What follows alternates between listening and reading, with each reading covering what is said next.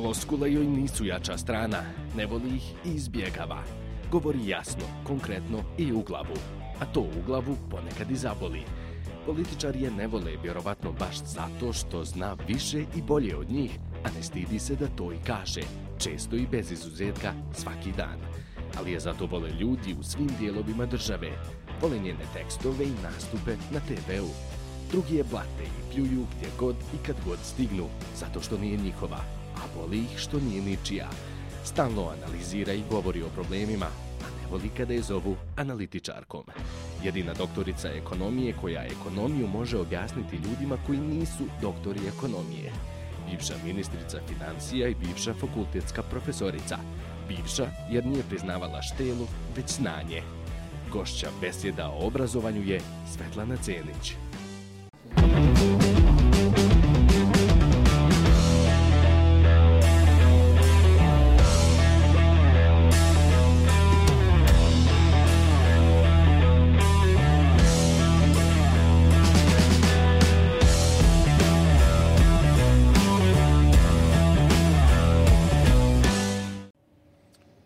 Večer i dobrodošli u treću epizodu, treće sezore besjeda o obrazovanju. Sava večeras, a, voditeljski dvojac nepromijenjen, kao i prethodnih stotinu epizoda. Redin Krajišnik.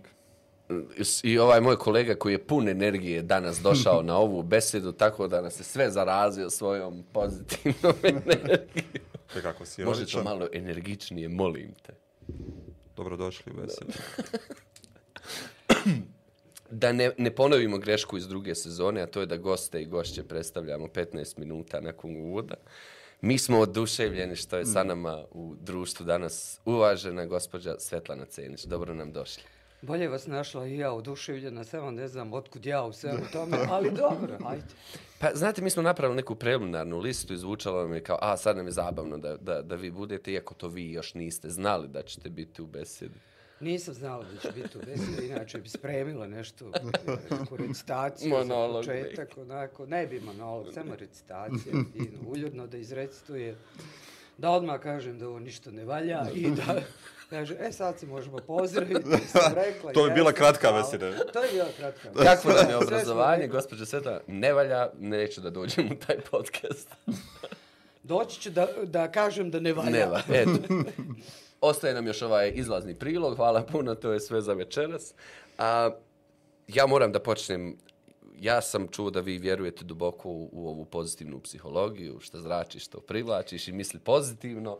Jeste, ovaj, ima još jedna, samo dodajte na to, ono, klonite se stresa, pa onaj šakt, pa onako, očekujem da ćemo uskoro uvesti i ovaj crveni trougao, pa ono, ovde je stres, pa pazi stres, saobraćajni znak, a to ko mi izgovori pored mene misli pozitivno, verovatno ovaj, mogli bi svedočiti neki da se dobro ne provedu na to misli pozitivno. I inače sam protivnik širenja lažnog optimizma, to je užas i tih self-help škola. Ali ovdje idu i ona stvari. druga kao priča kada govori zašto nam je stvarnost ovakva kakva jest. Dakle, krivi su mediji. Oni samo prenose negativne informacije, nigdje finih pozitivnih priča, nigdje... nigdje... Jeste, često to doživljavam da kažu, ali gospođo Cenić, znate, javnost treba malo pozitivnih stvari, zašto vi uvijek tako nastupate? Treba malo pozitive. Ja kad hoću pozitivno da mislim, jel da mislim pozitivno, ja odem tamo, ne znam, odem u Tešanj, na primjer, promovam se po fabrikama, vidim ljudi rade, pa Stvarno je proizvode, pozitivno. Pa, I onda mi bude fino. Ali nije u kom slučaju ne odem na obrazovne institucije, jer onda uopšte ne mislim pozitivno.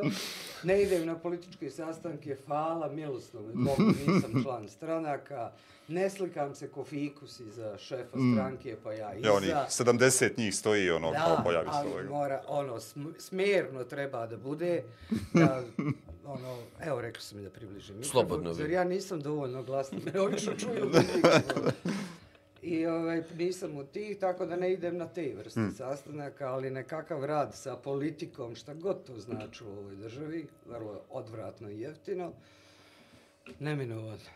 Ali eto, sva sreća ima nekih ljudi. Hmm. Malo, malo, ali ih ima koji se još uvijek petljaju u svoj posao, pa eto nešto se može raditi. Bože ti me sačuvaj. Evo, sad ste svoj na svom, ovde samo pesimistično, to nas se interesuje. Iako nam je roze ovo obrazovanje. Ali nije to pesimistično, čovjek mora prvo činjenice poredati, pa će iz toga jel, nastati nešto, Ako. šta god to da bude. I ja ne bih ovdje širila optimizam, ali ajmo pokušati da neko počne da misli, ako ništa drugo. Boli to, često boli. Čitanje, izgleda, učenje i razmišljanje, koliko smo- sam primetila po našim dragim narodima i narodnostima, boli. Niko ne čita.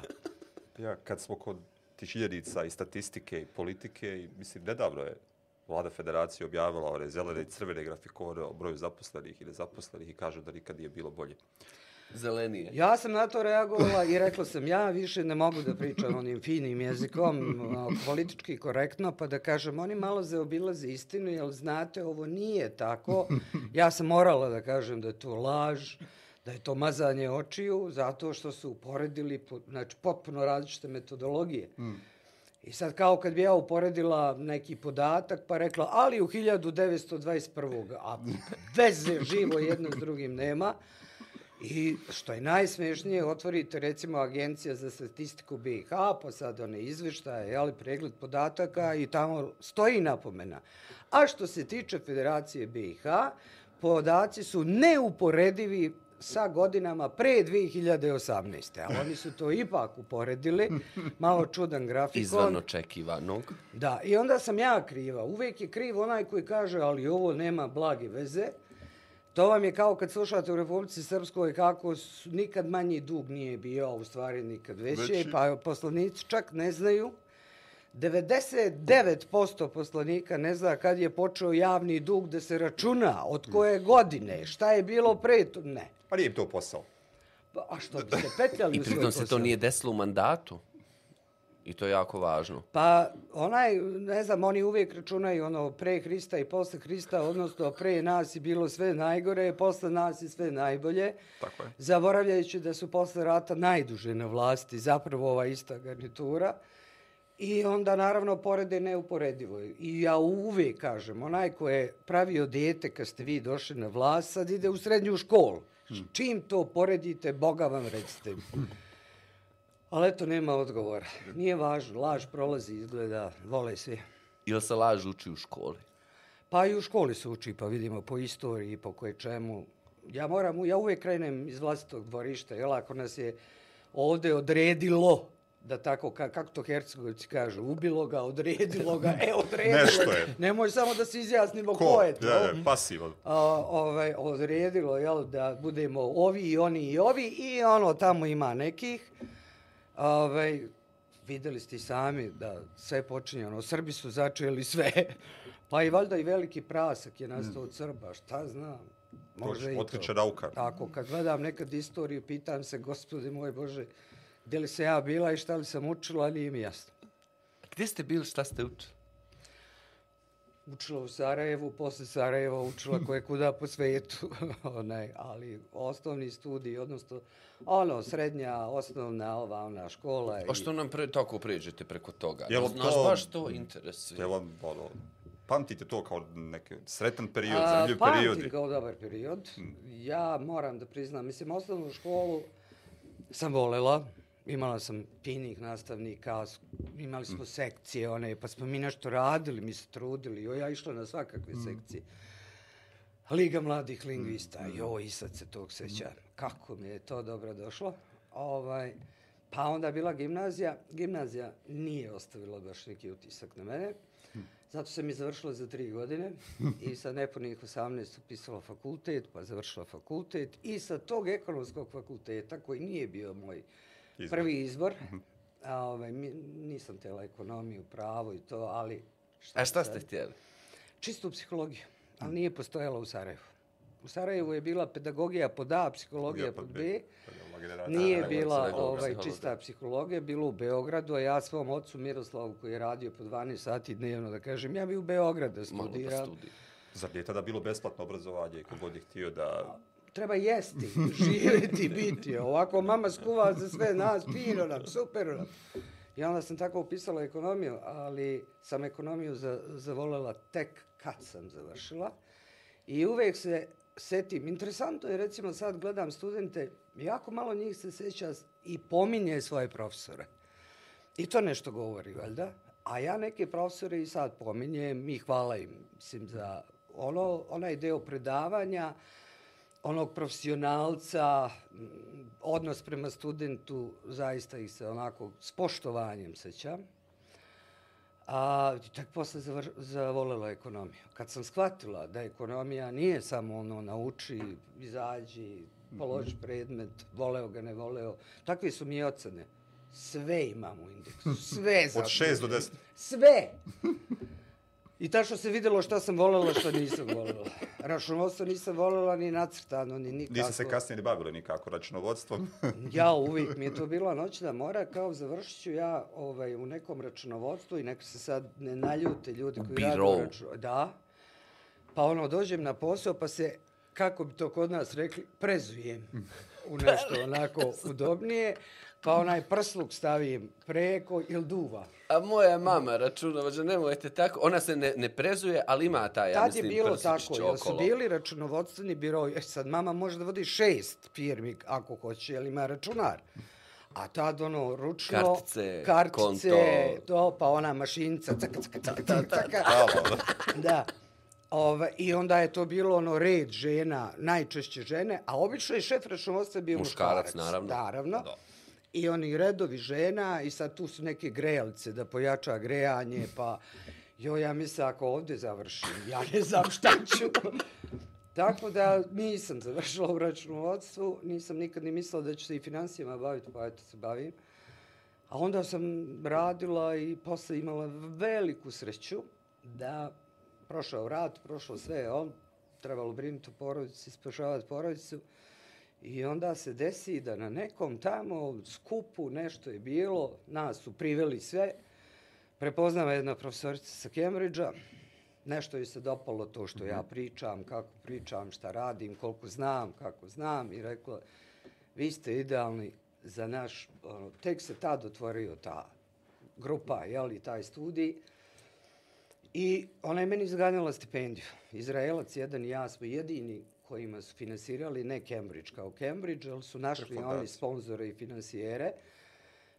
Čak sam posle i upoznala tog čoveka, a onda me krenulo. Onda sam krenula. Jedan, drugi, treći, ovaj, ovaj, sve gdje god šta imalo. Ja hoću, ja idem. Titule inače ne pišem nikad. E, e, to mi je, ne znam, vam pameti. To se ne traži, jel to kad ste valjda na fakultetu, onda mora biti. Da biste bili tu A ovako ne mora, zato što davno čovjek, pogotovo tamo učeći, spozna ili znaš ili ne znaš. Hmm. Šta ti znači? A naročito kad je krenulo ovo štanc mašina, kad ih je krenulo sa štanc mašinom, Overprodukcija. o, ta hiperprodukcija svega. Svega. MRDR. I toga i, i koje čega, ne znam šta, ne znam odakle bi krenula. Odmah će postati glasa pa će biti odmakni mikrofon. Onaj, on, ništa zaista ne znači da titula, apsolutno, sad na našim prostorima ne znači ništa. Malo prije smo pričali kad ste se ne, ne, negde u neki intervju ste da, dali ste milion intervjua, kao vole vas mediji, baš vas vole mediji.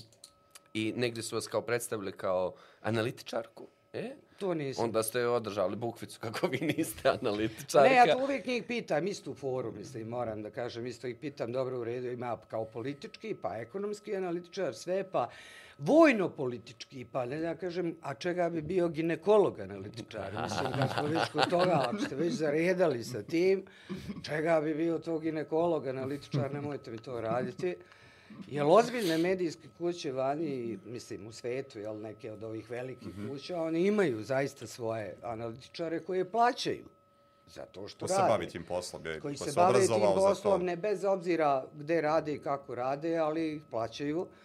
A kod nas, kogome god potvore mikrofon, analitičar, nemojte me, živi bili, ja imam svoju profesiju, ja poštujem svoju profesiju. A nemojte tako, gospođa Svetlana, namjer, ja smo tek u usponu ove karijere, moramo imati to analitičar da bi se probili na... Ja ne znam, vama O- evo, imate i drugu opciju, da budete menadžer ovoga i onoga. Jel i to su ono, kad su fakulteti ovi počeli da štancaju, onda je to bio menadžer javne uprave, menadžer ovo. Do ludila me to dovodilo, jer ot- otvorite iole, otvorite Google, pa pogledate šta je menadžer, menadžer, postajete negde radići, a ni slučaju vam diploma ne garantuje da ste vi menadžer i nema to u nomenklaturi zanimanja. I onda je bilo menadžer ovoga, onog, javne uprave, letova, boga oca. Onda sam i to pitalo, ćemo uskoro imati menadžera četke, frizer, menadžer Ako cevi, Menadžera osnovne škole imamo više. Evo, Direktori su menadž- menadžeri da. osnovnih škola, nisu s- Tako da direktori. je to prestrašno, mislim što. I, I još se to kod nas, džaba je, ne može se objasniti da to ne postoji. Studiraš menadžment, ali šta si, diplomirani nešto, ali nisi diplomirani menadžer. Čak i onaj ko je menadžment, recimo, ta, ili menadžment, kako ono izgovaraju. Sačuvaj, Bože, mislim se krstim levom i desnom. Ovaj, a to ne postoji, ali dobro, može, evo, analitičar, menadžer, nešto od toga. Proberete, proberete. Ima, Vi, na, vi ima nam se- morate progledati kroz prste, namjer, ja smo u usponu, kokuzi, tako da... Menadžeri mikrofona. menadžer mik iz, s ove strane mikrofona. Propustili ste nam osnovnu školu. Sjećate li se učiteljice? Dobro, Šemsa, kako se neću sjećati. A, či, koju sam i kasnije, umrla je. A, ja mislim da sam sestru njenu viđala i javila mi se kćerka moje učiteljice, pokojne. Znači, učiteljica je vas pratila i sad. Pa ne znam, znate kako je, ovaj, a, da li se ja tad slagala s njenim metodama ili ne, ali eto, upamtila sam je za čitav život. I dobro, to je četiri godine, mislim, kako se neće upamtiti. Ima Pa neko to Potisni kao susreta sa traumu. institucijom, osobom koja sad određuje sve stvari, pravila, ponašanja, moramo upamtiti. Malo ko Pa se ne znam, zna. rijetko ko ne upamti Da, svoju učiteljicu. A ko je ostavio najviše traga ono, na vas da kažete, e, ovo je zbog njega, nje sam nešto... Je li bilo takvi osoba u vašoj? Mislite što se tiče nastavnika, Da, da, da. profesora i to? Pa ja sam volila recimo svoje nastavnice tada srpsko-hrvatskog jezika, Dostinju Starović, koja je bila vrlo onako oštra, stroga, stroga i pravedna. Stroga, ali pravedno. stroga, ali pravedna, ali sam od nje naučila i rečenicu i pravopis. Ja sam inače ekavac čitav život i nikad to u to moje vreme nije niko ni primetbovo, zato što je nas bilo po Sarajevu dosta koji, neko govorio makedonski, neko ovako, neko onako, ja jednostavno iz kuće ponela to ekavski od tate. Ovaj, ali sam morala na pismenim vežbama da pišem i ekavski i to mi je odlično išlo, dugo i kratko je, svaki ekavac zna. Tako su od mene prepisivali. Ne ja od njih, nego oni od mene, ali sam od nje naučila. Da... I ta liga mladih lingvista, mi se takmičili. Joj, pa ima, ja bila u timu škole. A, Velika stvar. Pa jeste bila velika stvar. To meni je strašno bilo. Pa bilo, ja mislim da sam čak i osvojila ovako prvo mjesto u recitovanju svoje vremena. Sam išla u osnovnu školu. Dajte da nešto recitujemo, to Ne, nismo Bože, nikad radili. sad ne Kad ste zadnji put recitovali? Davne godine. Baš davne godine. To se nekad ovako šalim, pa ono, krenem recitovanje. O, ali to je bilo tad recitovati. To je bio pojam, čitati pozi- E. poeziju. U kafanama se recitovalo. I u kafanama se recitovalo. I Ozbiljno. danas dan se recituje u kafanama. E, morate mi pokazati, jer kako? mojim se ne recituje. Aha. E, pa ja, ono, kao predratno, jel, neko ovd, ovdašnje, uh, uvijek sam se sećala i Nijaza Durakovića, kad recituje. Vratila se s mora moja cigančica, pocrnila ko afrička kraljica i tako, to je bila njegova omiljena. I to, na to su studentkinje Ajšire padale u trans kad on krene da recituje, ali zaista smo nešto učili tu poeziju i recitovali i to je bilo nešto in. Da priča se o knjigama, filmovima, da se recituje, to je bilo in. Sad nećete to naći ni na mapi. Možda ono šta je, šta je novi projekat Lepe cojke i slično, to je sad u redu. To može, o To je in. pričati. Ali ovo nije više. Nažalost, moje veliko. Kako smo tako podbacili? Zato što smo prestali da čitamo i zato što su nam neke druge vrednosti postale, ne vrednosti, neko smeće postalo vrednost. I tu smo onda potpuno podbacili, sad je sramota. Znate, u moju kuću kad neko dođe, ove, kad mi uđe u sobu, ne znam, pa onda ovako se okrene i pogleda i ovo vi sve pročitali i ovo vi čitate.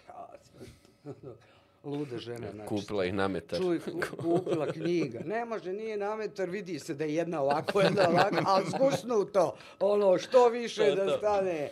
Pa onda ono gore ima prostora, daj još malo da stane. I ne može sve stati, zaista. Ove, pa sad je to nešto sramote reći da čitaš knjige, da si kupio knjigu, da kupuješ knjige. Imate Sjećam se vremena, ovde da. u, u Šahinpašiću dok je knjižara bila, mene svi knjižari znaju, u Sarajevu, znali me i u Banja Luci, uh, i onda sam se s jednom osobom sretala stalno kod Šahinpašića, uh, Silajđić i ja. I onda je prodavačica tad komentarisala, uh, kaže, jedine dve osobe iz javnog života koje kupuju knjige, to ste, kaže, vas dvoje. Tako smo i seli da pijemo kafu, mislim, upravo zato što smo se sretali u knjižari i kupovali knjige. Mene je pomazio posle rata, imam tu sliku negdje. to je moj susret sa Pa meni je bilo s njim jako prijatno da razgovaram, zato što je stvarno širokog obrazovanja, mislim, čita jako mnogo i onda je to bilo meni zanimljivo. Mi nismo pričali baš nešto o politici uopšte, nego smo pričali o knjigama. To je uvijek tema najbolja, Ja, ta to- jedina ostaje. Tad bi ono, isto koncept politike, šta zapravo ona jeste i ko se bavi politikom bi bio posebno vjerovatno besjeda. Ali ono što nas sad zanima je zapravo taj odnos uh, financije obrazovanja, ekonomije obrazovanja. Dakle, je li obrazovanje trošak društva? Vrijedi li ulagati novac?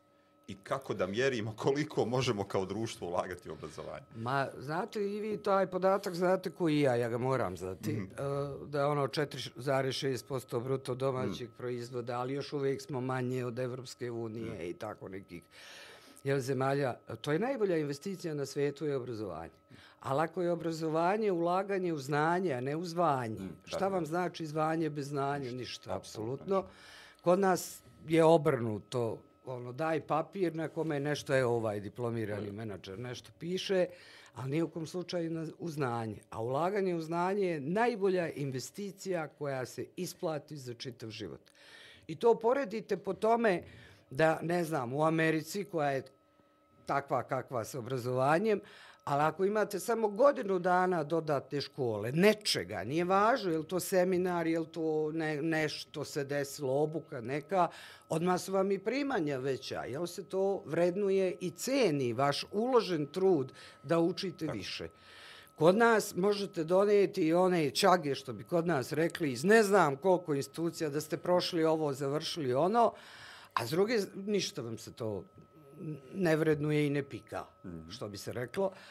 A s druge strane gledate neke CV-e koji su nabešani ono gore, gdje čovjek nabrojio i prijeme na kojima je bio, što nikakve vleze nema, pa čak i doda na kraju i ima vozačku dozvolu, mislim, ili nešto slično tome gdje je bio na nečem što nikakve veze nema. Ne kažem ja da to, ta vrsta obrazovanja, znači van obaveznog, van mm. ovog, v, nešto što dodatno radite da. na sebe, neko neformalno, pa ne znam i da li bi ga nazvala neformalno. Da, da. Mislim, meni je suviše to čudno da pravimo tako, formalno je kao samo ovo što ti je, ne znam, osnovna škola, srednja, fakultet, mm. eventualno... Institucija ne, ne, koja je registrovana. Ne, koja je ne. registrovana. Kad ima sjajnih stvari koje mi zovemo neformalno, a zapravo mnogo više vredi od svog formalnog tako obrazovanja koje ćete tako dobiti. Zato ja izbjegavam to da kažem neformalno. Onda ispadne, znate, kao, kao da smo se u širokom pa bijegu na onoj školi okupili. Pa da imamo i drugu krajnost dakle, poplavu takve vrste da. certifikata iza koji zaista ne stoji. Ne stoji ništa. Da. Ali dobro, i to se na neki način ipak može provjeriti i zna šta vredi i šta ne vredi. E, I ja sam zato bila e, oduševljena idejom da i kod nas zaživi taj pasoš kompetencija. Ne samo zbog poslodavca koji sagleda nešto, nego i zbog onoga ako pravi sebi pasoš kompetencija da sagleda šta to sve zna, što mož, čega možda nije svesna ili svestan, da jednostavno ne zna da i to ume, i to može, i to zna, da sebe negde pri, preispita. Nažalost, nije zaživelo, a izgleda teško da će, ovaj, ali taj mi je koncept recimo fantastičan. Eto, ja bih volela da to mi imamo i ovo što je jedno zlo, to je to naše kontinuirano obrazovanje u ovom smislu da, vi, da mi nemam, u federaciji ne postoji, ima neki kao okvirni, valjda zakon mm. ili nešto, ali nema to, gdje ćete vi uraditi prekvalifikaciju? A imali smo, ne znam, na birovu u Sarajevu, u kantonu Sarajevo, pardon, nekih 700 vlasuljara, što će reći frizera, pa se to mm. tako sad zove, šta ćemo sa toliko frizera, a mogli bi da se prekvalifikuju vrlo brzo u nešto što bi i njima značilo, Poč postale su moderne ove IT akademije, reklamiraju svi ćemo na kraju završiti. I svi ćemo izgleda završiti. I ne samo to, nego mi smo čak i govorili jedno Namir vreme... ozbiljno razmišlja da upiše programiranje. Pa ja mislim, eto, me, ako mi nije kasno, ako me neko primio, ja bi. Znate mi, ja, ja sam polagala na ekonomiji, informatiku smo imali, mi nikad kompjutere videli nismo. Ali smo učili knjigu Ništa i polagala. Ništa se ne, ne bojte se, i dalje crtaju djeca Excel u sveske. Videla sam i Windows, ono, da u bojama stave kako izgleda, pa sebi nisam dva dana dolazio, gledam, pa je li moguće, za Boga milog. A, I zato i kad gledamo finansiranje tog obrazovanja, ovo što kažete, je ono skupo, Kad pogledate kako se prave budžeti, vi dobro znate da iz budžeta jel, idu mm. plate, zavisi ko je, jel predškolsko, pa je to osnivač, ili je osnovno, srednje, ili je fakultet. Sama činjenica koliko ministarstava imamo, ja to kad negdje u svetu kažem, koliko je kod nas ministarstava obrazovanja... Da, jedva tri miliona stavlika. ne, mogu, ne može niko da veruje. Misli da ja sam ili prolupala, ili naduvana, ili sam na nečemu gledaju me ljudi to ono, šta joj je? Da mi imamo toliko, ne znam, ministarstava obrazovanja, ali obrazovanja nemamo. Da. Pa to se... Onda, uh, uh, gledate kako, uh, a s obzirom da znam kako se prave i budžeti, kako ih prave, ne kako bi trebalo, nego kako ih u stvarnosti prave, onda me ništa ne čudi. I s obzirom da svaka politika koja je pogotovo na vlasti, ona računa sa tom armijom prosvetnih radnika kao svojim glasačima. Da, da, da. I onda ste i primetili, pogotovo i, i, i ranije, a, primaknu se izbori, onda redovno ide štrajk ili, a najčešće, ide štrajk posle izbora samih. Jer se odmah predsjednik sindikata preporuči, s kim će se jel, pričati, pregovarati. Uh, I odmah se tu zna koja je tržišna cena, kako to lepo ide. Uh, jedna koja je vodila tad jel, obrazovanje u moje vreme, dok se kratko to, dok se ja nešto bila, um, imala je taj običaj, znate, zimi, uh, e, ono jesen, treba to malo za zimnicu, treba pogurati, treba ko ješta, a onda kad se primaknu odmor odmori, valja letovanje platiti. Regres. Ovaj, I ta, onda je uvek, otprilike se znalo, to upratilo se to, da su to dva Perioda. ključna momenta, mm. a posle izvora, naravno, da se zna s kim će se priča, da se utvrdi cena i tako, ali kod mene je došlo samo jednom i nikad više. Ja ipak imam a, a, bolje mišljenje, želim da imam bolje mišljenje o obrazovanju i shvatam značaj obrazovanja, tako da mi u tim momentima taj sindikat ne znači ništa apsolutno ništa, kao i svi drugi sindikati, da se razumemo, ista je ta priča. Jasno, potpuno. je, je, jasno je da treba uložiti obrazovanje, Tačno. ali ono što je suština, kako osigurati ne, ali da novac se priča, koji se... Ne priča se o kvalitetu Tako, obrazovanja, nego da odmah bude... krenu da pričaju o platama. Da. Znači, to je prva i udarna tema. I sad budžeti imaju, skoro sve se za obrazovanje idu na plaće i, od, na i, plate. i održavanje Inercija. računa. Ako treba. I druga budžet. stvar, kad se uh, uh, ima neki koji su kuće napravili na, na tome što su se škole pravile, pod, ovaj krečle po jedno, dva, tri do četiri puta. Ista škola, pa se kreči, pa onda nije krečenje, nego se to podvede kao da je uh, stavljanje nove fasade. Nije stavljanje nove fasade, samo se kreči fasada. A su mnogi profitirali na tome. I uvijek su u pitanju samo plate, ali nema neke ono, znate, ajmo sad računari, pa ajmo sad to, pa je neka ekskurzija naučna, pa ne pa znam, stručno pa usavršavanje nastavnika. usavršavanje nastavnika, pa onda da dovedu nekoga ko će malo više znanja da prenese, pa da gostuje, pa da priča, pa okupi. Toga, naravno, zato para nema. Ali isto kad pogledate kako se pravi budžeti, uvijek se prvo stavi, znate, rashodovna strana, pa se štima prihodovna. Svugde u svetu je obratno. Koliko prihoda imamo? Odnosno, i vi kući. Prvo gledate koliko vam je plata i koliko, ako imate suprugu, jel, ako radi. Pa koliko to, pa koliko bi mi mogli, pa fali li nam para? Ne.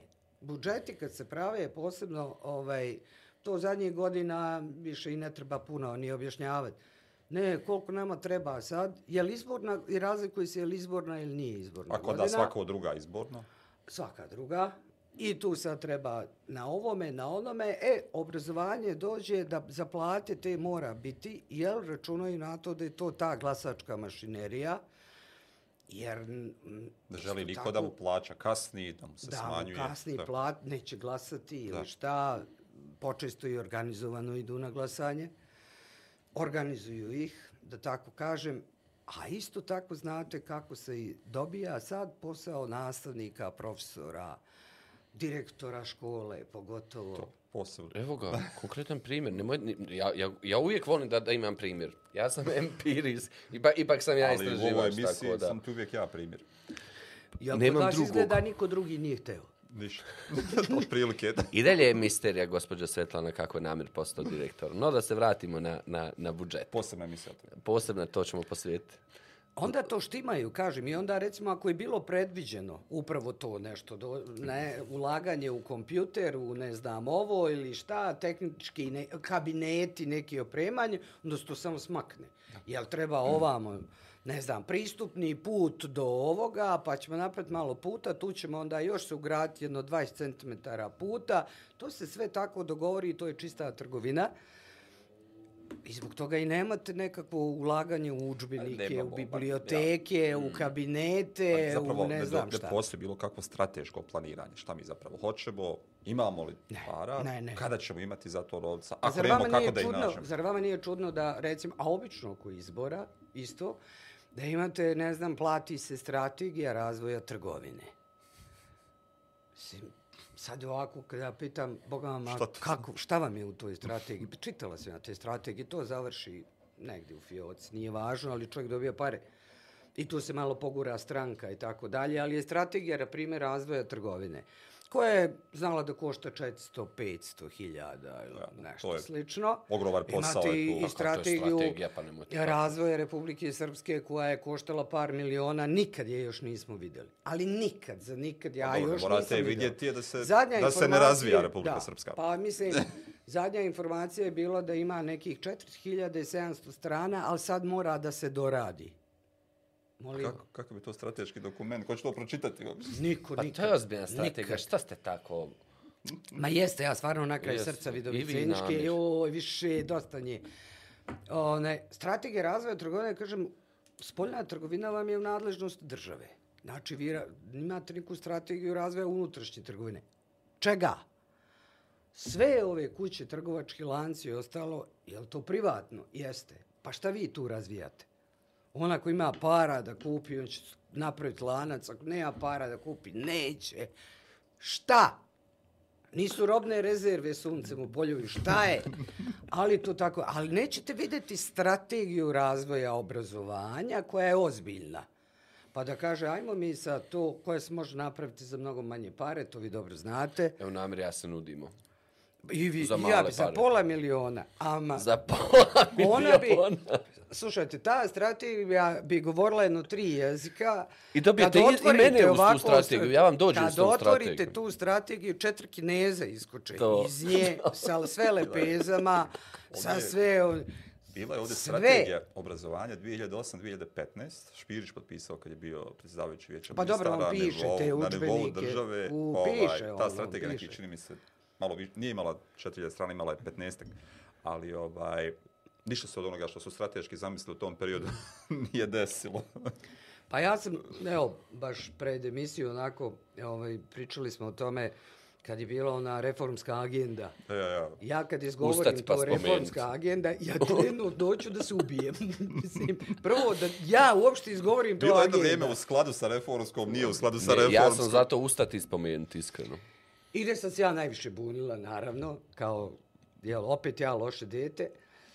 Ovaj, I onda me pozvala tadašnja šefica kancelarije Svetske banke da ona meni sad izloži šta je. Oni su podelili kao ovo će raditi delegacija, a ovo će raditi Svetska banka, ovo će raditi ovi, aha, aha. Sve sam ja to videla šta, kako. Ja sam samo dva pitanja imala gledajući sve to. Kažem, dobro, recite mi samo gdje je to obrazovanje? Evo, ja mislim da je ključno obrazovanje, odnosno da se ona mora, mora raditi paralelno s drugim stvarima. Mislim, zabluda je, kao, ja to kao Da. ekonomista govorim, ne petljajući se u, u rad uh, uh, vaš, ali uh, ne može mo, neke stvari, ne može se reći ono sad ćemo mi uraditi reformu obrazovanja, pa onda drugi stvari. Ne, Mm, Da, da. to nije, ne stoji i kao onda će biti sve divno. Ali mora biti naslonjeno na Ali nešto. mora se raditi paralelno. Kako radite ove ekonomske neke stvari, redate, jel? da sad držimo ovde predavanje iz ekonomije, tako se mora raditi reforma obrazovanja, ali mi smo stvarno dotakli dno. Ali dno. Onda mi je ovako objasnao, znate, mi smo to pregovarali. Pazite, pregovaralo se o dinamici sa vlastima. Šta ima da se pregovara ako ti neko društvo hoćeš da unaprediš? Šta ćeš to da pregovaraš? Možeš samo da pregovaraš hoćeš levo, hoćeš desno, hoćeš ovako, hoćeš onako, koji Ja, koncept, zaista. Da ko je su šta. znali, već bi napravili. Ali nije bila, kaže vlast, predstavnici vlasti nisu bili zato, oni su, kažu da to treba raditi tamo u drugom, trećem, četvrtom, nekom koraku. Recimo, znate, prve godine ovo, druge godine, e, negde oko treće godine Pred da to započne. Zanimljivo. I kažem, gdje je ovdje Bosna i Hercegovina, recimo, gdje ste vi tu sad pre, e, predvidjeli u svemu ovome istraživanje i razvoj? Bez toga nema, nema ničega. Mi ne možemo pričati o tim novim radnim mestima, e, šupljirati o koje čemu ili ovim grafikom, koliko smo mi za po ste zaposlili, stavili sto nas pratili, šta, pa ste tu i gurnuli, to je kao novo radno mesto. To nije novo radno mesto. To je samo šljamčenje na postojeće. Dajte mi novo radno mjesto, znači novi proizvod, novo nešto istraživanje. I ono što je nama, nekad su fakulteti, jel da imali neke institute istraživačke, nešto nekad bilo, u ozbiljnim zemljama ima i sad, mi to sad više nemamo, saradnje nauke sa privredom, to je osnova društva. Ne može privreda, država mora stati iza nekih projekata, ne može privreda da finansira dugoročne stvari. To nema govor. Gdje će on izdržati 10-15 godina, nešto, nema razvitak. Ali, da ne Sad, pričam sad kako je iPhone razvijen, mislim, ko je u stvari razvio iPhone, ali mi slušamo priču o garaži. Ovaj, nema. Znači, Bosna i Hercegovina ne zaslužuje ili vi ste, šta ste vi? Ja sam tad pitala to javno, šta smo mi? Nešto sišli s grane, jo, ili još živimo na grani, nismo se razvili, pa nama to ne treba. Vi pravite uh, strategiju Evropske unije, znači ono Horizon i, i, i slične stvari, i, e, pa se kaže da se teži odvajanju 2,5%, tri neke zemlje premašile to odvajanje, uh, bruto domaćeg proizvoda, toliko posto bruto domaćeg proizvoda za istraživanje i razvoja. Tu u ekonomskoj krizi, to se odmah podigao taj procenat. Nama ništa. Nunka. Ništa. Nada. Ali, pa imat ćemo to što se razvije negdje drugdje, primijenit će ovdje. Importovat ćemo. Nećemo. Ja sam imala i treće pitanje vlastima našim. Jeste rekao, ikad vi razmišljali o zakonu o offset poslovima? Ima zemalja koji su na tome razvile. Znači, re... da samo pojednostavim šta je to. To je, na primjer, ja nemam para za Boeing, nema naša država para za Boeing, ali imat ćemo 15 vojski, vjerovatno. Nema para za Boeing. U redu, mi ćemo raditi delove, ali vi ćete nam transfer tehnologije dati. Daj mi, pusti me transfer tehnologije, radit ćemo za vas, zato ćemo dobiti Boeing. Imate nekoliko vrsta offset poslova. Kažem da ne pretvorim sad ovo u, u predavanju ekonomije. Ali to pokazuje da znači nikom nije bitno obrazovanje u Bosni i Hercegovini, E, istraživanje i razvoj. pitam. Niko, Potpuno iskreno. ništa. Bili ste i dio vlasti, dakle bili ste i ministrica. Ne toliko dugo, ne toliko slavno. Slavno, zato što imam sve rezultate koji nikad nisu dostignuti posle. iskreno. To Tako moram da kažem, vrlo ponosno Ne i bez reći. afera. Ne dam reći. Čujete nijedne bez- afere. Nijedne. Pa kakva ste vi ministrica bili? Nikakva. Kakve Ka- ste Znate vi šta su ministrica? posle rekli? Ka, kaže, pošto ja živim u stanu od 50 kvadrata, 52 kvadrata, tačnije 52, ima Odakle balkon. vam, odakle vam, gospođo Svetlana? Ove, odrasla u tom stanu. Ove, odatle mi, odatle mi. A, onda su rekli ovako, "Ih, kad ona nije znala sebi, ko da će znat nama. Kako će znati? E, Fenomenalno. to je, to je ono rečenica da čovjek ono prebaci, salto napravi i kaže, pa mamlaze ovi znaju u sebi, ali zato neće tebi zapast ništa. Ti, ako spadne sa stola neka mrvica, možda, ali teško im i mrvica ta spada sa stola. Nadaju Jes- se da će reka da. Jeste li ikad u životu svom sa našim bogovima života svakodnevnice ozbiljno razgovarali o obrazovanju? Ozbiljno da, ja bila uključena čak, tad me uključivali svugde. I reforma policije, ja. Reforma obrazovanja, odnosno zakon na državnom mm -hmm. nivou, visokom obrazovanju, ja opet. Zapravo, zašto je to tako bilo, da sam ja svugde govorila za sve, postoje kako bi to nekad nama u onoj državi, vi ste mladi, vi se toga ne sjećate, materijalne se pretpostavke, jel tako bilo? Mora prvo materijalne pretpostavke, baza, za- nadgradnja. Nema nadgradnje ako pare niste napravili. Mm. I onda sam objašnjavala da možete vi zamisliti reformu kako god hoćete, ali mora postojati finansijska podloga tome da bi to bilo realno. U protivnom je čist populizam, ja mogu svašta da vam sad napričam ovdje. Imaćemo, ne znam, metro, kosmodrom će biti negde, jedan u Bakincima, drugi će biti, ne znam, ovdje negde, na, može i na Poljinama, ja nemam god. šta protiv. Znači, kosmo, jedan može u širokom, e, ta kosmodrom, svašta mogu da vam ispričam. Gdje su pare?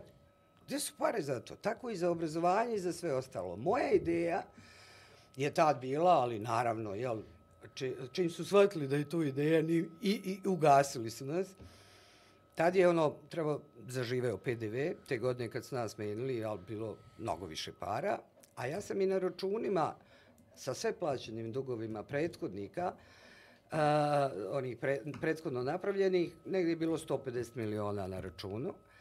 Moja ideja je bila da se stvore, da te pare, koje bi bilo od PDV-a svega, da se upravo u te najteže procese ulože. Jer morate imati pare za to. Ne može bez para, ništa.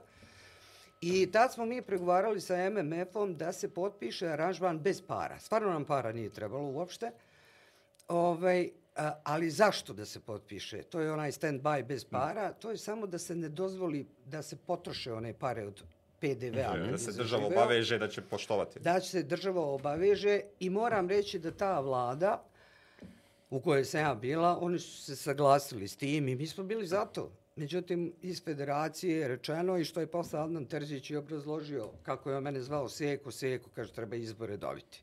Ali su te pare potrošene, one su gotove i nikad više ih neće biti. Nikad vi nećete, jedino sad da se podigne PDV na neke neslučene, što i hoće, verovatno, u jednom momentu, ovaj, da nije bilo MMF-a i ostalih kredita, i to bi išlo gore, taj PDV, ali više nema tog da do, vi odjednom dobijete prihod. Ili ovo sad, ovo sad što je MMF dao, to je bio čist poklon.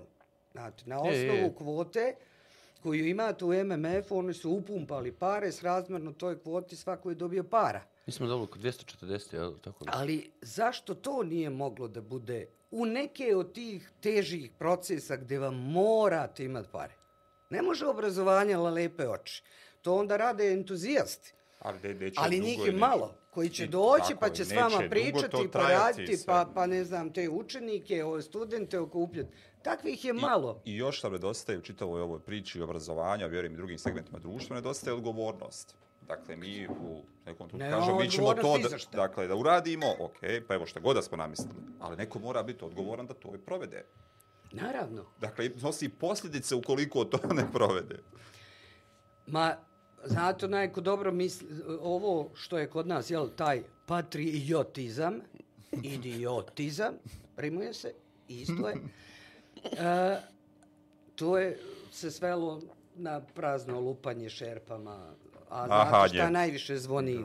Prazna glava ko prazno bure zvoni i dobe se čukneš ovako, Da. to je užas. A, I druga stvar, mi smo zaista u svim segmentima postali, ima jedna ona bosanska, do duše i ona i crnogorska, moram reći, poslovica koju mora, izraz, nije to poslovica, to je izraz, kaže, kad sunce se uperi u čenifu, Znate vi kad poljski WC pa sunce, one vrućine, to smrdi, sunce ti poljubi, to je strašno. Onaj, naravno, svi smo to imali neko iskustvo negde i nekako. I tako je zapravo sve postalo i onda, naravno, ovamo se tom prazninom lupa. E, pravi patriotizam, taj o kome oni pričaju, a ja mrzim tu reč, bolje uzmi profesionalca nego nabiđenog patriotu, uh, uradit će taj posao i ići dalje. Međutim, nećemo mi ni profesionalce, nećemo mi ništa, a odgovornost nema ni za što. Da, ja iskreno to kažem i ovaj milioniti put, najviše što u životu prezirem, to su ti budžetski kriminalci. To je strašno. To je otprilike, i oni su kao mangupe, e, kao da ono nemoćnu osobu, invalida, udarite nogom, palicom, uzmete mu novčanik i on je kao magnum. E, to je krađa iz budžeta, jer niko nema odgovornosti, nigde, ni za šta. Niti, E, može da napravi minuse koliko hoće, može da zloupotrebi sredstva, nikad niko odgovarao nije. Tako je. Zato, ali to je čista krađa. Dakle, uzimamo tuđe Je. pare Da. i raspoređujemo ih sebi i nekome I nema razvoja, bitan, zato ne? nema razvoja. Zato kod nas, e, ovo je presmešno reći e, i hvaliti se, sam glup čovjek to može, još i pogotovo što je ušminkana statistika, rastom od 3%. Za Bosnu i Hercegovinu rast 3% nije ništa. To znači da vam treba jedno 25 godina da, da uduplate bruto domaći proizvod, ali e, niti od 3% rasta ne znači razvoj. Sve zavisi kako ćete potrošiti pare. Da, da. Mislim, ne, Evo šta me možda brine. veću platu, ali ja mogu da potrošim na dobre cipele, Da, da. koje neće imati nikakvu svrhu, sem da ja kažem da imam dobre cipele. Ali to vi možete lično, Ne. ali neko ko upravlja javnim Ne novcem. može. Evo šta me brine. Pored ostalog svega što me brine. Mene sve brine, dobro. Broj djece rapidno opada. Evo matematika. Studenata, svega, Dakle, svega, ona zaposlenih, svega. Bazna matematička pismenost. Broj djece ide evo, u minus, je tako? Inercija... Smrtnost gore. Smrtnost gore. Inercija budžeta ostaje takva kakva je. Dakle, Čak je veći se- broj zaposlenih nastavnika, Da. E, recimo. onda, je li to minus plus I puta? povećana javna uprava. Stalno se Da. povećava javna uprava Evo, i samo javna obrazovanju. Samo u obrazovanju, po, plu, povećan broj nastavnika, nema djece, ima nastavnika, iste pare, u jednom trenutku ovo mora se raspadne. Da li je obrazovanje socijalna kategorija?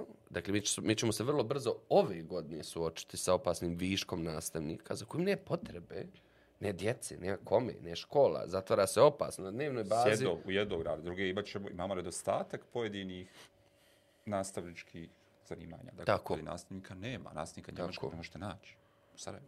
Pa on je u Nemačkoj. Dakle, ili Kad rade, čim nauči ili... nemački, da, on znate šta ode. još? Najčešće rade, javljaju se ono, na telefon za radi za njemačku, ko zna njemački jezik, puno veća Pa mu je bolje plaća, da da sad Mnogo je veća ti, plata. plaća nego da ono radi sa djecom. I da se Dobar dan, hoćete nervira. kupiti. Kad, kad, kad, kad, kad smo odlučili da je obrazovanje socijalna kategorija, imalo da ikakve zdrave računice? Evo, ovo je vaše polje.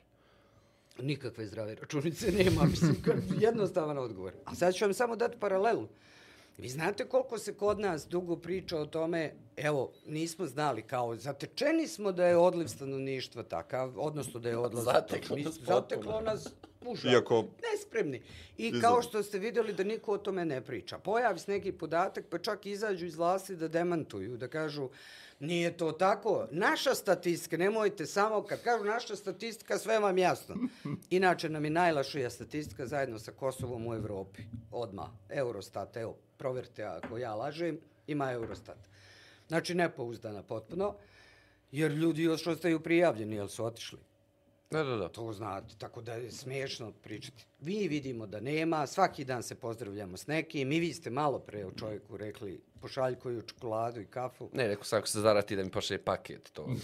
Jer u prošlom ratu nisam dobio i vi paket. i ja dobit ćemo ikar onako, smašno. Jer prošli su me, su me zatekli, nisam dobio te pakete, pa hoću ovaj put da obezbijedim.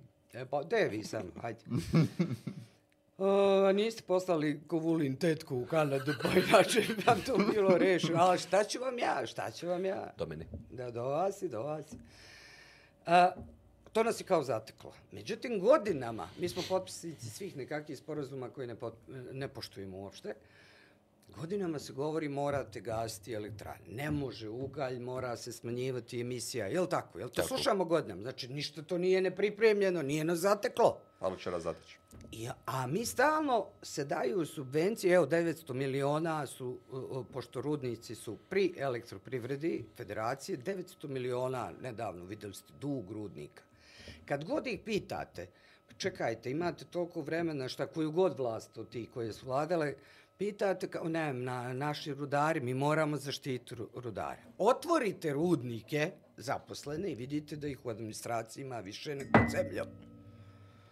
Mora neko mena, menadžerski Koga vi, organizirati. koga vi štitite. Menadžere. Drugo, onoliko para koliko je skrcano u taj kao koncept, moglo se napraviti obnovljivi izvori energije, a svaki od ovih rudara da završi IT akademiju. I da uopšte ne ide čovjek pod zemlju nego da ide da radi negde fin, čist Programira posao, da ga porodica vidi, a nešto ne vidi ni, ni sunca, ni meseca i onda vidi porodicu i to mu je sve. Znači, to nas nije zateklo nespremno, ali to je ono, znate, odmakni od mene što bi se ja bavio bolnim stvarima. Tako i ovo obrazovanje koje će nas odjednom, e, vidjet ćete, to će biti, ja mislim, posle izbora, da ćemo se odjednom, vidjet ćete kako vlast će... 23.. Eto, mi smo, sad imamo problem, čuj sad, mi ga imamo 100 godina već, da su ljudi otišli, da nema ko da zarađuje za ovu silnu održavanje ovolike javne uprave, da broj nas, da ne znaju šta će s nastavnicima, da nema dece, da nema radne snage, da nema ništa od toga. Molit ćemo mi Boga da oni migranti ponovo navrate. Ja vam kažem. I biti sretni ako iko ostane. Jer ima tu vrlo i obrazovanih ljudi, naravno, i, sposobnih i kvalifikovanih ljudi koji su pobegli, jel?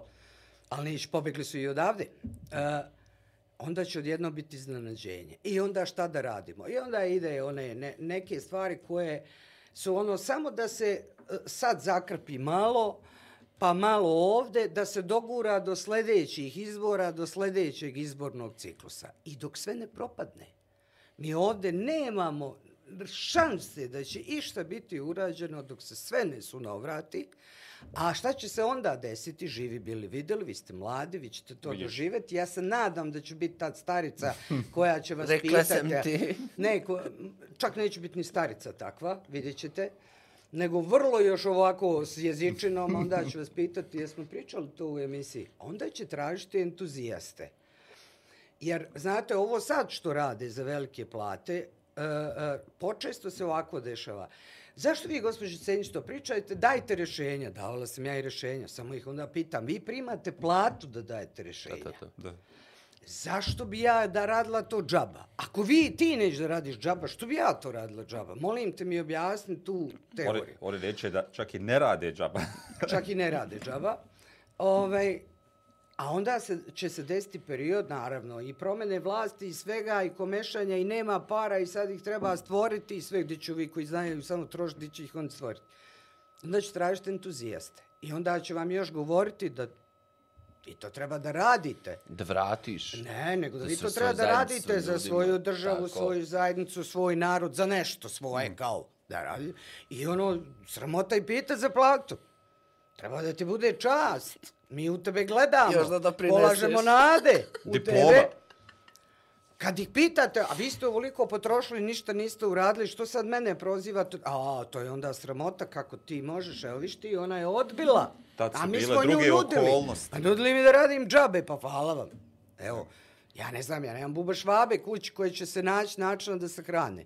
A ako će poštaru oni da uzmu račune i plate, pa da i pregovaramo.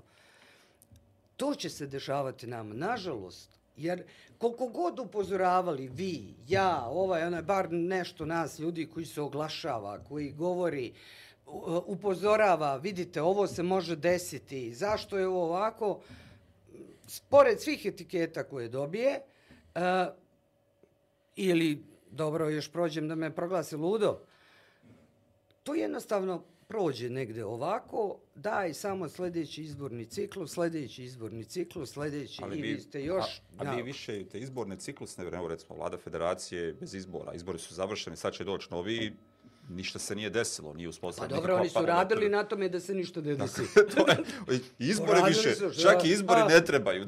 Tako. čak i kad dođe do promjene ne može se ono, uspostaviti Ali vlast. govorim da će se ipak su navratiti. A onda... Da, da, da. Mene proganja ovo. Kome se mi obraćamo uopšte? Isto pokojna je Rada govorila, ko, ko, kome mi ovo pričamo? Jel pričamo vlastima koji vrlo dobro znaju šta rade nema, evo, sad ne ostaje mi ništa drugo nego da vjerujem da, da vrlo dobro znaju šta rade, ne ulažu, ne se bave se, diskutovati. zapuštaju i tako dalje, u tom domenu mislim, ili se obraćamo ljudima do kojih ova statistika ne dolazi, a, do kojih ove naše riječi ne, ne, ne, ne dolaze, jer ipak ja provedem čitav dan baveći se ovim, znam svaku informaciju, ja razumijem da ljudi nemaju vremena, vremena za to, ali ovo sad postfaktualno, postistinito društvo i tako dalje, kome se mi obraćamo? Ja sebi. Šta je, je- ili ili ovo naša terapija na kraju? Ja se sebi obraćam. Evo, budem iskren, ja nisam deo nikakve organizacije, nikakve partije, ništa, ništa, apsolutno. Meni je sasvim sve jedno o, o kome se radi ako učim nešto što mislim da treba pomenuti.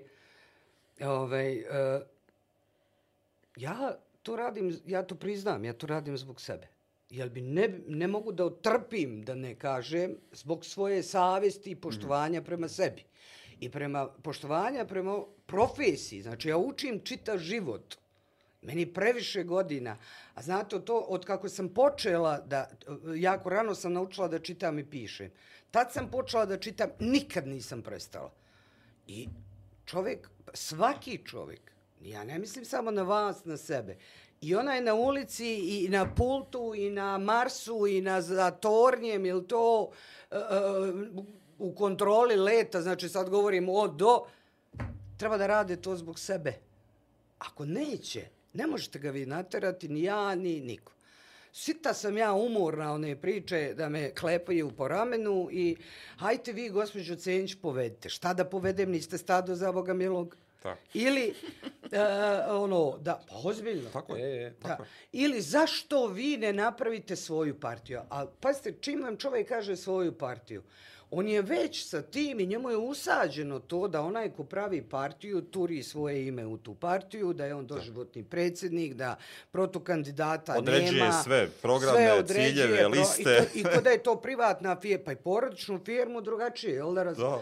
I pa za porodičnu firmu vi razmišljate, čekaj, treba ona da traje. Ozbiljna o, o. porodična firma u jednom trenutku vede menadžera. Da uvedem, naravno, profesionalno, kogod je rodbinu zaposlio, propala moja firma. Da, znamo to, 99% slučajeva, isto statistika kaže. Ove, ja to radim zbog sebe. Hoće li neko da čuje ili neće? Ma savršeno ne, ne razbijem.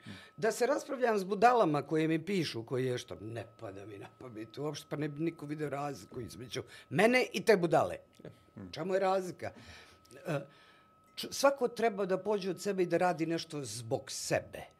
Pa onda će stvari doći na svoje. A ne da ja to radim zato što je vođa tako rekao, zato što je rekao neko tamo koga ja treba da sledim, ovo što kažu povedite, znači ti, ti si navikao samo da slediš i da ideš i da nemaš A mi smo kao izabrali da živimo u demokratskom društvu u kojem se Ma, u demo- sve Kao političke izabrali. ideje Ni jedne suočavaju. Kao partije nema demokratske. Zamislite, demokratsko društvo u kojoj ni jedna politička partija e, nema demokratske principe usađene Da, da, i tačno. ne funkcioniše po demokratskim principima.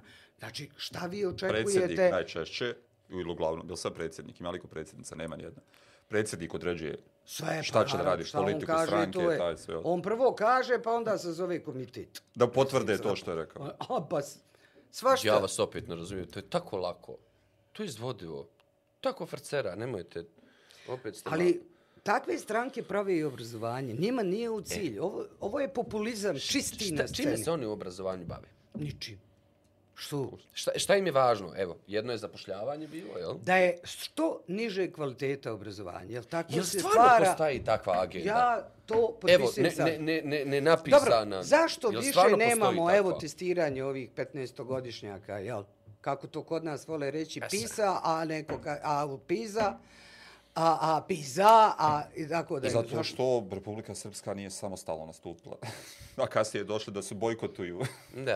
Ma odluk- mislim, to, to je nebuloza, da, nije to razumijem, uopšte to. pravo govorimo, znamo mi da. to, mogu vam ja objasniti. Sad. Druge bojkote, zašto su bili, Da, da, da. Priča o tome, a u pozadini bilo Jer nešto drugo. suštinski u ovome PISA 2018 zapravo Republika Srpska je mogla Da, da, želi da- izvuče sve podatke za Republiku Srpsku, dakle bili su dostupni. smo kao i o sad sve. Da, da. Kao što je jedinstveni Klikom je- registar ovog, onoga, klikom se odvoji, to nikakva Da. veze nema. A, međutim, to vam isto pokazuje da je meni stalo, jel, da bude obrazovanje što niže. zašto bi tako ponizio obrazovanje? Svako, ja sad govorim generalno vlast, to je ponižavanje obrazovanja i gaženje do posljednjeg, jer tako se stvara ta masa poslušnika, bezoblična, morfna masa koja nešto slijedi. I sam svakog populiste je obrazovanje nula, nisko obrazovanje, sve je živo, jer takvim masama možeš upravljati. Možeš im prodati šta god hoćeš, jer to ne čita, Pa ne informiše se. I statistiku, to pročita naslov u novinama i ne čita dalje. Nego samo naslov. da, da. To se ne informiše na, e, ne uzima informacije, recimo, ako uzmete, ne znam, negde postoji ili stenogram, ili prepis, ili knjiga. Vi, ako ste obrazovan čovjek, vi odete do tog izvora. Neće vama prepričavati tabloid, Tako. portal ili neko, pa izvući to u tri reda, nego ćete to pročitati. Ne, ne, ne, kod nas rekao portal i to je zakovano. Takvi trebaju. Zato mi imamo istu vlast ovoliko godina. Nastavnici treba da budu poslušni, da čekaju hoće li biti povećanje plate, nemoj slučajno kreativnost da iskažu. Te, ko ovde poštuje kreativnost? Ko? I povećamo za 2% plaću. I 2%, koji penzioneri? Jo, koliko me bilo strah, one povećanja penzije moje majke, šta će se onoliko para? O, Onda vi ne bi morali raditi. Nije, bo, mislio sam otići u kockarnicu, nešto će. Pokušati da Nešto. obrne novac. Ti 2% jadni koji ješti, to treba da glasa i dobiju raspis kad će na glasanje. Prosveta dobije uputstvo vladajuće partije kad je miting, kad neko dolazi, kad moraju da se pojave. Nemojte da počnem, ja ću početi od Banja Luke pa dalje. Kako dobiju instrukcije, gde će se pojaviti protest je, miting je, ima da dođeš.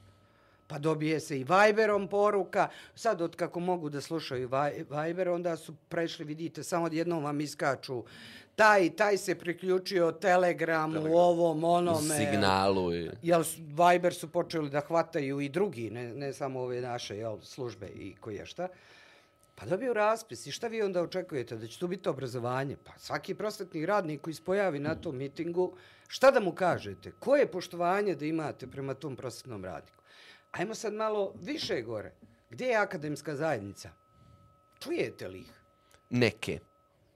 Vrlo malo. Da, da, Možemo sad vi i ja uzeti pa nabrojati. Ovako, Ne, jel da? slažem se, nego stvarno iz nekog, ovde mi, ovde mi stoji, znamo sjajne ljude s kojimi mi radimo, ko- koji su isto tako svjetionici, Zato što nade, masa, usamljeni, da, ali... ali masa i guta. I on ne Tako, može, šta će on? Kad I strči Ne, ja, sam, za ja glavu. jesam za generalizaciju, I, druga, za i, neke druge, stvari i, druge, jesam. i druge stvari. Oni da- samo potvrđuju pravilo. To su izuzeci koji potvrđuju I pravilo. Koji često vi se- primetite je li izuzetak. Da su svi takvi njega ne bi ni primetili. I, jer onda se često pojavljuju, pojavljujete, i onda ajde, opet stoti put govore jedno te isto, ima li ko drugi da nešto kaže, zašto uvijek samo nudim- ovi... Ne, ja uvijek nudim, ja uvijek novinare pitam, što mene zovete stalno, nemojte, boga vam. Mislim, znate, ono, jedno vrijeme su počeli zvati da ono komentarišem od seksa do pčela. Mislim, pa nemojte, nema smisla, ja znam šta mogu da komentarišem, ali da sad komentarišem nešto što nije moja oblast. Šta ja treba da komentarišem virus, jel? Ja mogu ekonomske posljedice covid ali ne mogu virus da nemam pojma. Čitam koji drugi. Ovaj, ali kad pitate novinare zašto ne zovete, Neko imate fakultete, javi. imate ovo, zovite ljude to. Kaže, znate, ali neće niko. Da, da. Ili kažu, jes, pojavi se, ali to, znate, da je nešto okruglo, onako, mm, neće da se zamera taj konformizam. Gdje da se zamera? Ovdje ćete vidjeti ispred OHR-a, jel, protest. Ali hoćete vidjeti protest pred vladom. Pa Pred zašto strankama. Kad, zašto kad ono, visoki predstavnik može da primjeni bonske ovlasti i ispuni želje svima koji su bili ispred OHR-a? Pa to je ono kod nas što se kaže, međunarodna zajednica du radi nešto. Da. Jel uvijek neko, jel uvijek neko mora du radi Tako nešto? je, Neko. A što ne uradiš ti? A, Mistično. Dakle, glasači Evo ja izražavam političke zabrinutost na svom profilu, nemojte tako, čak i gore piše. Svaki dan sam zabrinut za nešto. Pa ja isto sam isto, ja uvijek pitala, ima li ga je li zabrinut? Ne, nama napravio spinu i otišao. Što nije napravio to pre godinu dana, pa malo. To onima to- s kojim da, jedeš, apsolutno. piješ, pregovaraš. Zamislite, iskoristi, evo, poziv, otvoreni poziv novom visokom predstavniku, bolske ovlasti za obrazovanje. Liko o tom razmišlja? To neće Kako Kako bi to doživjeti nikad. Nikad to neće kaže, ja sad namećem standarde za nastavnike. E, pa znate, kad smo mi imali novi ta neka ovlašćenja i neke projekte, jel bio je ono dve škole pod istim krovom, a? Jel su to naš projekat? Nije naš. Nije naš. Ne dam reći. E, sad se kritikuje to, sad kao to ne valja. Pa vi ste nam dali, mislim, što je sad mene tu. To je ono, baš bilo u međunarodna zajednica tu radi nešto. I kad kažete to i međunarodnoj zajednici, odnosno ja kad imam tako neke kontakte, ali sad, pa sad će me prestati zvati inače, uopšte. Ona, ime mi neće pominjati. Ona, I kad pričamo, ja kažem, znate, neće ovo moći ovako, to kod nas tako ne ide, valjda ste toliko upoznati. Trebalo bi do... Ne, ne, ja se ne razumijem u politiku. To su visoke političke, one nemaju viziju. Ja sam naivac u politici. Dobro, samo klingla, dobro. I evo, vizija nas je njihova dodala. I onda, šta se dešava? Onda nastane ne problem, nego problemčina. Da, da, da. da. Pa se opet nađemo i onda je, šta vi mislite da bi trebalo da uradimo? Što sad da mislim? Što sad ja da mislim? Jeste vi rekli da vi to bolje mislite sve? Hajmo sad, rešite to sad, kako ste zabrljali, sad tako rešite. Je li ta međunarodna zajednica, šta god to značilo, kroz ove silne neke projekte nije uradila ništa, Mm, tako je. priznajmo, capacity building, kao jačanje kapaciteta institucija, do vamo tamo da ne pričamo o kick-off mitinzima i sličnim stvarima. Jačanje svijesti o mali- značaju Od nečega. malih autokrata napra- napravili grose autokrate. Grose. E, sad je, šta ćemo sad? Pa nisam ja sedela s njima u kafani i dogovarala, vi ste. Sad ih lepo vodete kući, sa žena nek vaša skuva večeru, pa neki zove, Da, da, neki to je neki ono. novi Vigemark stavi kolače, jel, pa mi dobijemo akcize, odnosno putarine veće. To, to. De vi to sad s kolačima i vinom. Sreća pa znamo te trošarine za, kako se zove, od goriva, ono 15, pa trošimo ih, gradimo ceste na sve strane. Evo, 208 km autoputa, 26 godina nakon rata. Pa to je sjajan prosjek. Evo, to je sjajan prosjek. Ima liko da je brže uradio. Ja. Ali mi I to onda mi koji gledali radimo. ono Albaniju s visoka, pa onda sad brojimo Albanija koliko sad- oni imaju kilometara autoputa, koliko je, ali dobro, hajde, to je druga priča. Jo, ima, evo, ja mislim da se nešto lijepo izrodilo. Idemo sa zahtjevom uh, visokom predstavniku da, da iskoristi bonske oblasti za obrazovanje. Ne, stavimo transparent ovaj. Duradite Da nešto. molim vas. Svi će prihvatiti to. Imere, koliko smo već, druže? Opa, super smo. Kaže profesorca, ovaj, pa o čemu će obrazovanje sad? Ništa se vi ne bojite. Ništa se vi ne Joj, bojite. obrazovanju bi ja mogla još svašta, ali mislim, s drugog nekog ugla, ako počnemo redati tabele, ne valja. Nije to to, niko to ne pamti. Ja sam davno prestala ljudima objašnjavati kroz neke pokazatelje. Nema to ništa, samo ono, ovako opisno. Kao loše nam obrazovanje, vidite, djeca su nam funkcionalno nepismena, svako drugo. Da? Di? Šta sa tim? Ja i? Ali, znate, ovaj, nešto počinje iz porodice, jel da? I pa- Stoji, ali malo prije smo razgovarali. Profesorce, vi morate biti svjesni da sam ja sad roditelj. Dakle, neko ko je, ko je produkt ovakvog obrazovnog sistema, bez ikakvih podražaja, bez iskustava, to, mi postajemo roditelji. I to je sad s teoretske dijete, strane... o, o, o, da li ćete vi ikad svom detetu savjetovati ono čuveno šutiti, sine, ne Ma zameraj nikada, se. daleko od tog. Daleko od toga, ali mislim da govorim opet o manjinama. Ja se bojim za, za svoje generacije koje nisu imali, privi... evo ja ću ovo nazvati privilegijama, i ozbiljnim studijama, i ozbiljnim ljudima kojim sam bio okružen, koji su mi, koji su mi dali neke ruke za, za, za nešto, to mnoga djeca nemaju, mi postajemo roditelji, profesorce. I to ode u onom teoretskom smislu u ono beskonačno, nepoznato, u, u perpetuum mobile. Ja se jako tog bojim. Pa Imate dobro, ja funkcionalno bojim nepismene roditelje koji će odgajati svoju djecu. Koji će odgajati svoju decu da uvijek idu linijom manjeg otpora, da se učlani u partiju, da se ne zamera, da će mu tata ili mama kupiti kakav fakultetić. Ima se, A to može neće se, biti problem. Ima se, može se, to nije baš nikakav problem. Imate vi kod nas ove, još što priznate, znate, nude paket. Imate osnovni studij, magistarski i doktorat ima paket. Ako uzmeš paket, onda je jeftinije. Tako je. Zašto da se ulaže etapa po etapa? Da, da, da. I onda oni Ekonomski vode računa, isplativije, ono, kad ste vi, pošto su ih ono uhvatili da, da šest ispita u danu i tako dalje, e sad da, da se završavalo i za godinu dana, pa sad neki vode računa da ono tačno prati datum, jer ima osoba koja je zadužena samo za to, ima vaš onaj dosije i vodi računa kad će vam opisati ovaj predmet, kad Nemoj, taj predmet. ćemo sutra, ne, ne, ne izgledat će Ne, ne, ne, izgledat će prozir, nije bio rok. To, to, nije to. bio rok. Ovo, ovo ćemo Mogu mu staviti u idući rok i tako dalje. Ima i takvih i to se plaćalo. E, onda se desilo još nešto, jel, ti isti bogati ro- roditelji koji su imali nešto para, pogotovo. E, ali treba poslati dete negde, jel zna on dobro ako ga nije udomio, znate, ima jedan fakultet koji smo mi zvali Institut za majke i dete, jer je ono rod, roditelji, deca, to, pa kao gdje ćeš na institut, svi znamo gdje. E, ako ga nije udomio tu negde, napravio mu, ne znam, zna i sam šta ima u kući, pa mu neće baš lako ostaviti firmu, treba tom firmom upravljati. A, negde bi ga, ali ga neće niko. E, tu sad nastane problem. Tu nastaju kompleksi sve ovo ostalo. Kako se to može nadoknati? Ne može. Jer mi smo i u ovoj garnituri politike na vlasti terapijska grupa. Već godinama. To su nedovršeni ljudi. Mm. To su ljudi koji nisu mogli da sanjaju da će ih zapasti ovo što ih je zapalo. Da, je. E, žena, švalerka ili novi model žene, kola, da im ono otvaraju, zatvaraju vrata, svi pratioci imaju. To čudo ugroženo u ovoj državi. Neverovatno, bezbednostno, jel? Pa ne znam, ja ide negde, pa putuje, nikad video nije, dok seljaka je otišao, Bog me ubio. Možda i na ekskurziju. E, odjednom dođe do tog svega i mi smo svi terapijska grupa Da. nedovršenim ljudima. Takvi nedovršeni ljudi, njihova najveća kazna, neću sad reći procentualno, ali moram reći nadpolovično, a, njima je a, kazna najveća njihova vlastita djeca.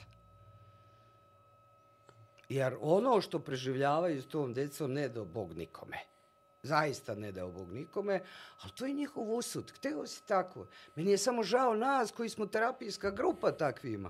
Mm. Meni nije žao šta to mene briga, šta si posio, tako Da. će ti biti, šta ja to mogu žalim. Samo roditelji koji, koji imaju recimo bolesnu decu ili nešto. To mi je ono žao, tu treba pomoć. A ovo što si ti od zdravog deteta pravio mentalnog invalida, a od zdravog deteta... Potpuno svjesno. Kako? Potpuno svjesno. Što da te žalim? Nemam šta da te žalim sad, izvini, vidi. Samo nemoj da mu mi saniramo kockarske dugove, hirove i koje Ali to šta. obično radimo. A to radimo. To obično radimo. E, to je ono što mene najviše boli zbog čega sam ja ovakva kakva sam, pa govore ona cenička, ono, "Oh, jesam li zvijer, jesam li veštica, jesam nešto, jesam šta ja znam, dobijam takve epitete, ali to je prestrašno, kao da vam ono neko zavlači ruku u džep, vadi, vi ćete jesti salamu noktaricu, a on sad e, direkt, direkt sa, sa, sa popare prešao na, na škampe. Dotad ih video nije. Odjednom se razume u morske specialitete, u vina, miriše čep, vrti čašu, veze nema. Dotad meku neko mu je rakiju rekao nije od tako da treba. razlikovo. Dotad to nije znao. Dobro, neko bi rekao da mora tako. Pa, To je imidž. vidite vi ovo, pa krene. Berba, berba, gospođo Svetlana, A, sjajno je. A, bila. Zato je najbolji, znate, ja obožavam Kellner, ja se s njima odlično družim. Pa onda kad e, najviše pozdravljam ovo je sad digresija, jel nema veze s obrazovanjem, ali ima ih koji su profesionalci, jel Kellner? On to odradi divno. Flašu ono, pokaže čepova, onda ode, pa dekantira vino, pa stavi, znate, sipa mu sirće neko, nešto što ono Sjajno, crno ovako sjajno, sjajno. ostane tu. To je izvrsna Donese. intervencija. Da, i onda života mi živ svedok bio. Više puta. On, a onda vidite njega kako vrti. Rekao sam ja, ovo je pravo vino. E, takvi kroje obrazovanje, takvi kroji sve, ali takvima smo mi kasica, prasica i terapijska grupa. Tako je. Troše beskonačno. Imamo nekoliko blic pitanja, izlazimo iz, izlazimo iz okvira. Hoćete nam doći opet nekad? Ja sam vama lepo rekla da mi se nađemo u kafani, izjedamo se Valja prenijeti Imer- svu opremu. Imer će, Imer će prenijeti ovaj opremu i idemo snimati u kafani. A, poučavali ste i sad ste dio nekih lijepih priča, radite sa, sa, sa, sa klincima, s mladim ljudima, prenosite to što znate. Koja vam je filozofija iza toga kad dođete pred, pred, pred, pred djecu i, i mlade? Pa, osnovna filozofija je naterati ga da misli. Ništa drugo. Nemam ja šta tu puno da prenosim. Ja mogu samo da mu ukažem na neke stvari. Ja ne volim u ekonomiji da pričam ono klasično, znate, imate ekonomske zakonitosti, bla, bla, bla, zato što su i one pokazane nisu tačne. Ko je čito, to je naučio. Ovaj, ko ne čita, on i dalje priča. Ponuda, ono potražnja, ovde se seku i tako dalje. To mladom svetu ekonomiju treba približiti na sasvim drugačiji način. I najsretnija sam kad vidim da neko, aha, ono, gleda i počne da misli. I počne da pita. Najsretnija kad vidim mladi ljude koji stalno sumnjaju. To je zadatak svakog čovjeka, da sumnja, preispituje. Neprestano, neprestano da sumnja i preispituje. I treća stvar je, uvijek znaj da ne znaš ništa. Moraš stalno raditi na tome i koliko god učiš, još to nije dovoljno, još to nije dovoljno. Mm. Jer onaj ko se zadovoljio sa znanjem, kad sam ja diplomirala i moja generacija, šta je to, šta, pa to tad o ekonomiji se pričalo na 55. na to nema blage veze sa, Sa onim što sada, se sa onim što se sada dešava. To mi je jedini neki motiv, nešto, ili cilj da postignem kad radim Nije važno je mladi ili stari svet. Samo da misliš, misliš, misliš. Da naučiš da misliš, da pitaš. Da ne uzimaš servirano. Pa majku kući pitaš, Boga što ti je ovo neslano. Ili mogla s majku malo tanje ove kore. A ovaj ti servira takvu gomilu gluposti i ti to progutaš i ne pitaš. I Da onda još reproducira tako? kad zatraže. Da, ka, reproducira. O, tašuna. Kad treba. To je, ako si pitaš u kući, ako pitaš, te sinko, stalno, samo pitaj, samo proveravaj, stalno, stalno. I sumnja i u sebe i u druge, u onom smislu, ne kažem uh, sumnja, ono, svi su ljudi loši ili ovo, nego svaku informaciju filtriraj, vidi. Je li to to, nije, može li to bolje, aha, da li je to sigurno tako? To najlepša stvar koju ljudsko biće dato mu, dato, Bog, majka priroda, ko u šta veruje, mu da i on to ovako, ono, ko svinja kad se najede, pa onaj valov gurne. E, otprilike tako radi sa svojim mozgom, sposobnošću i onim što mu majka priroda dala. Imaš li pita? Ne. Imamo ono zadnje. Imamo vele majstorski potez, dvije i po minute. A, dajte nam jednu, dvije knjige da pročitamo, namjer ja. Odlučili smo se treću sezonu da nam gosti, gošće daju knjige i namjer ja ćemo napraviti jednu veliku biblioteku iz ove sezone. Vjerovatno je prodat za velike pare koje ćemo pokloniti da očistimo svoju savjest, naravno. knjigu, da jedno red se uhvatio. Ovaj, I hoćemo namjer ja da čitam ono što nam gosti preporuče. A onda ćemo vas zvati da nas propitate. Ja imam ogromnu biblioteku, priznam to s ponosom. Jedina vrednost u mom stanu, kogod doće da ga obije, neće se ovaj diti. Ti što obijaju ne čitaju. Nemam ništa vredno. Ništa. Sem knjiga. Imam nekoliko hiljada knjiga. Na Kindlu samo imam negdje oko 1500 knjiga. A gdje je ovo ostalo?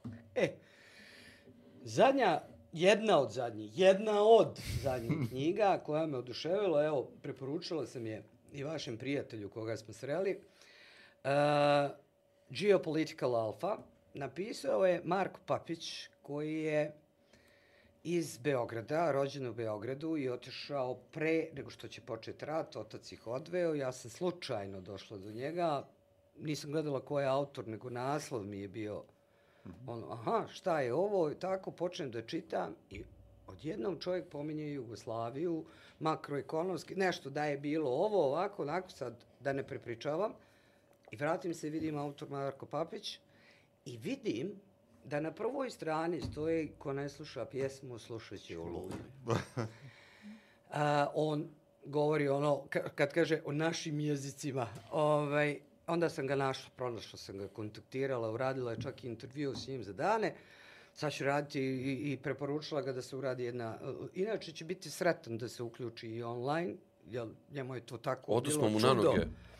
Tako, Santa Monica tamo živi, ovaj, sada.